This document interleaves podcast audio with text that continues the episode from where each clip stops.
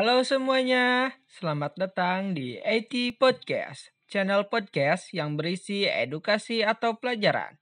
Dengan pembawa acara saya sendiri, yaitu Muhtar Nawawi, bisa dipanggil Kak Muhtar. Sekarang adalah materi terakhir kita mengenai hewan dan tumbuhan di sekitar rumah. Di materi terakhir ini, kita akan mempelajari cara merawat tumbuhan. Jadi, tumbuhan itu wajib kita rawat agar tumbuhannya bisa tumbuh dengan baik, sehingga tumbuhan itu bisa memberikan manfaat yang maksimal. Sekarang, kakak akan memberitahu cara merawat tumbuhan dengan baik. Yang pertama, kita harus menyiram tanaman. Jika kita menyiram tanaman, harus secukupnya, tidak boleh terlalu banyak ataupun terlalu sedikit. Jika terlalu banyak, airnya akan menggenang dan itu tidak baik untuk tumbuhan. Dan jika terlalu sedikit, nanti tumbuhan kita akan kekurangan air dan mati.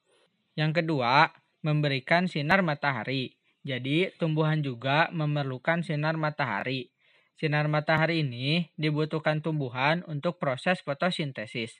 Yang ketiga, membersihkan tumbuhan dari hama dan penyakit. Jadi, tumbuhan yang kita tanam itu harus selalu kita perhatikan. Jika kita menemukan hama, cepat bersihkan karena hama tersebut bisa menimbulkan penyakit pada tanaman kita. Sekian podcast di materi hewan dan tumbuhan di lingkungan rumahku. Jangan lupa untuk mendengarkan proyek podcast selanjutnya. Terima kasih.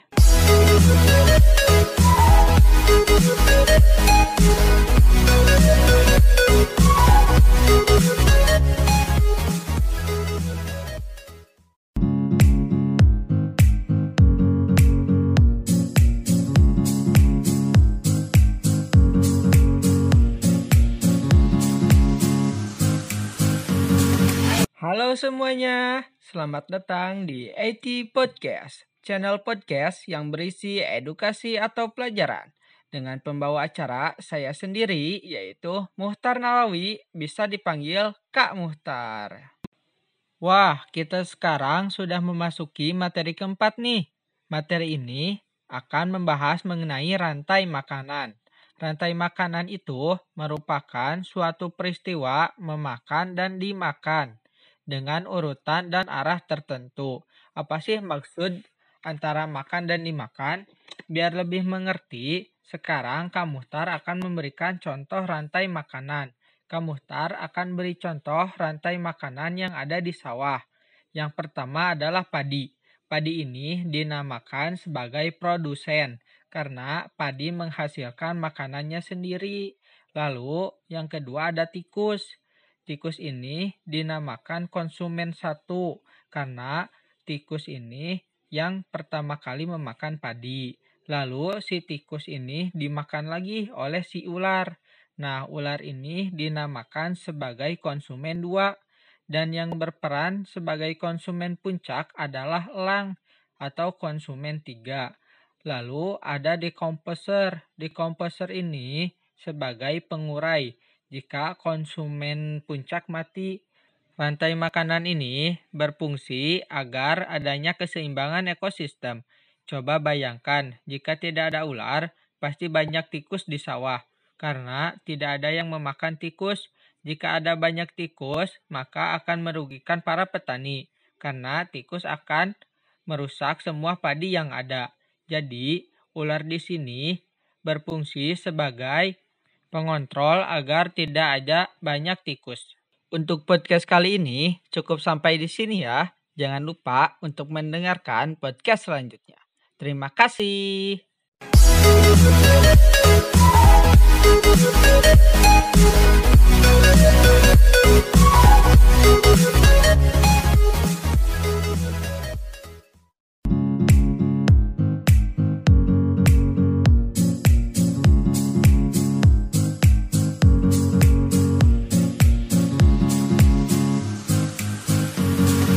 Halo semuanya, selamat datang di IT Podcast, channel podcast yang berisi edukasi atau pelajaran.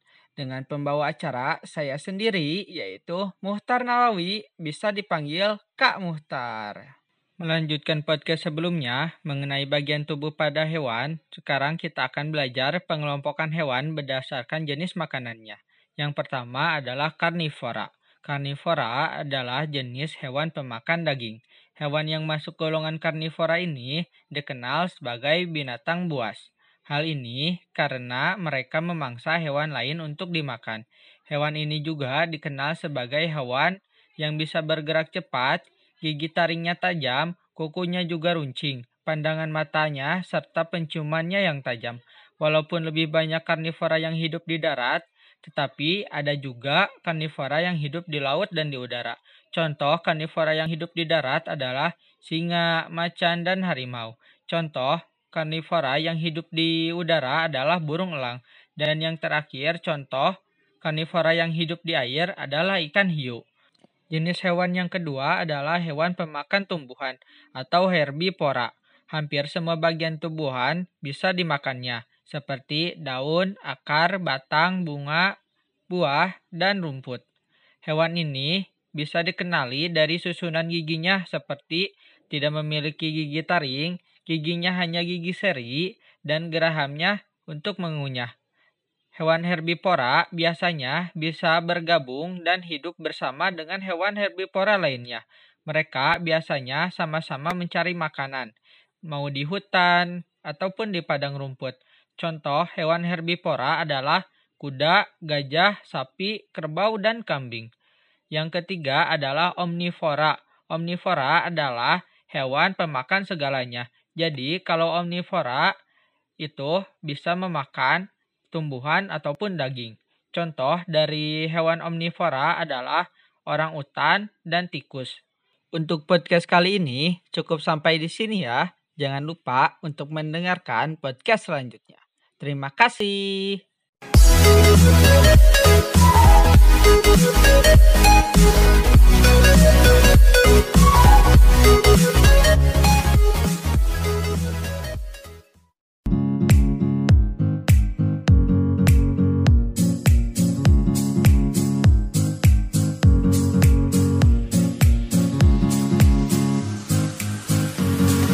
Halo semuanya, selamat datang di IT Podcast, channel podcast yang berisi edukasi atau pelajaran.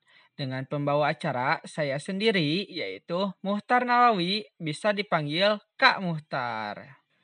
Melanjutkan podcast sebelumnya mengenai hewan dan tumbuhan di sekitar rumah, sekarang kita akan membahas mengenai bagian tubuh pada hewan. Tapi karena banyak sekali hewan, kita akan memfokuskan pada hewan-hewan yang umumnya ditemui di berbagai tempat tinggalnya. Yang pertama adalah ikan, yang merupakan hewan yang hidup di air laut ataupun air tawar. Coba di sini ada yang pernah melihat ikan? Bagaimana bentuknya? Berbeda bukan dengan hewan yang ada di darat. Bagian tubuh pada ikan secara umumnya yaitu yang pertama adalah kepala yang dilengkapi oleh mulut untuk makan dan mata untuk melihat, serta insang untuk bernapas.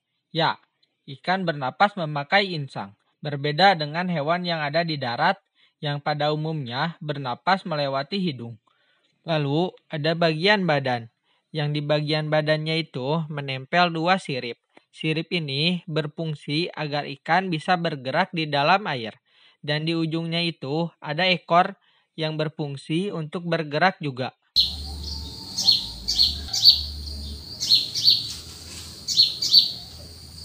Nah, suara apa itu? Ada yang pernah mendengarnya? Itu adalah suara kicauan burung. Biasanya burung berkicau di pagi hari. Burung ini merupakan hewan yang hidup di udara. Sekarang kita akan membahas bagian tubuh dari burung yang terdiri dari yang pertama adalah kepala sebagai tempat mata untuk melihat dan paruh untuk makan.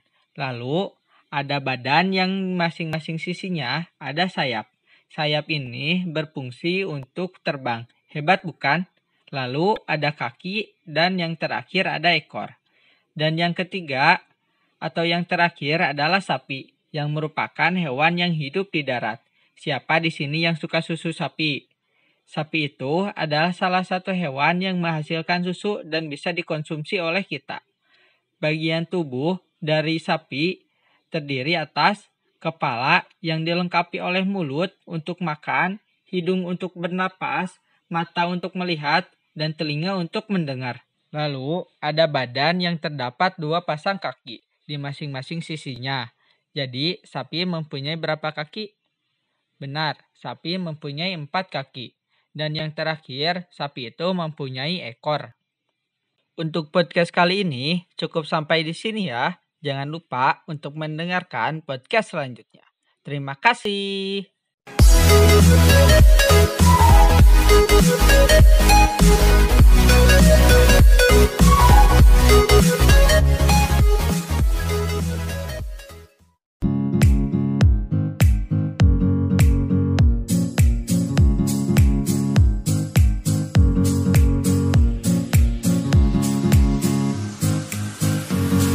Halo semuanya, selamat datang di IT Podcast, channel podcast yang berisi edukasi atau pelajaran.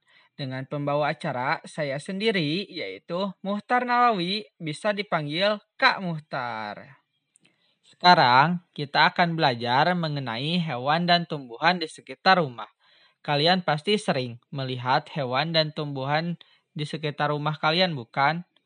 Tapi apakah kalian tahu hewan dan tumbuhan yang kalian lihat di sekitar rumah kalian akan sama dengan hewan dan tumbuhan di rumah teman kalian atau orang lain.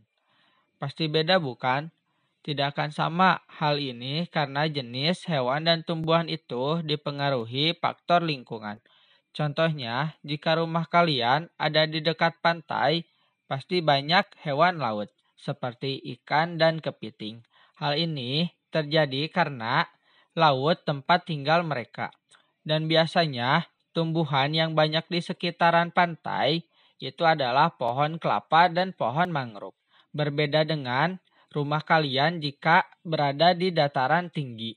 Biasanya di dataran tinggi itu banyak hewan ternak seperti sapi dan ayam. Begitu pula dengan tumbuhannya. Kebanyakan di dataran tinggi itu tumbuhan yang ada di perkebunan seperti bunga, teh, dan kol. Karena banyak hewan dan tumbuhan yang dimanfaatkan untuk dijadikan mata pencaharian, hal ini berpengaruh juga pada pekerjaan kebanyakan masyarakat di lingkungan rumah kalian. Seperti masyarakat yang berada di daerah pantai, banyak memanfaatkan hewan laut untuk mata pencahariannya. Pekerjaan ini disebut sebagai nelayan. Dan bagi masyarakat yang berada di sekitar dataran tinggi, kebanyakan berkebun karena udara dan tanah subur yang mendukung pekerjaan ini disebut sebagai bertani. Untuk podcast kali ini cukup sampai di sini ya. Jangan lupa untuk mendengarkan podcast selanjutnya. Terima kasih. We'll be right back.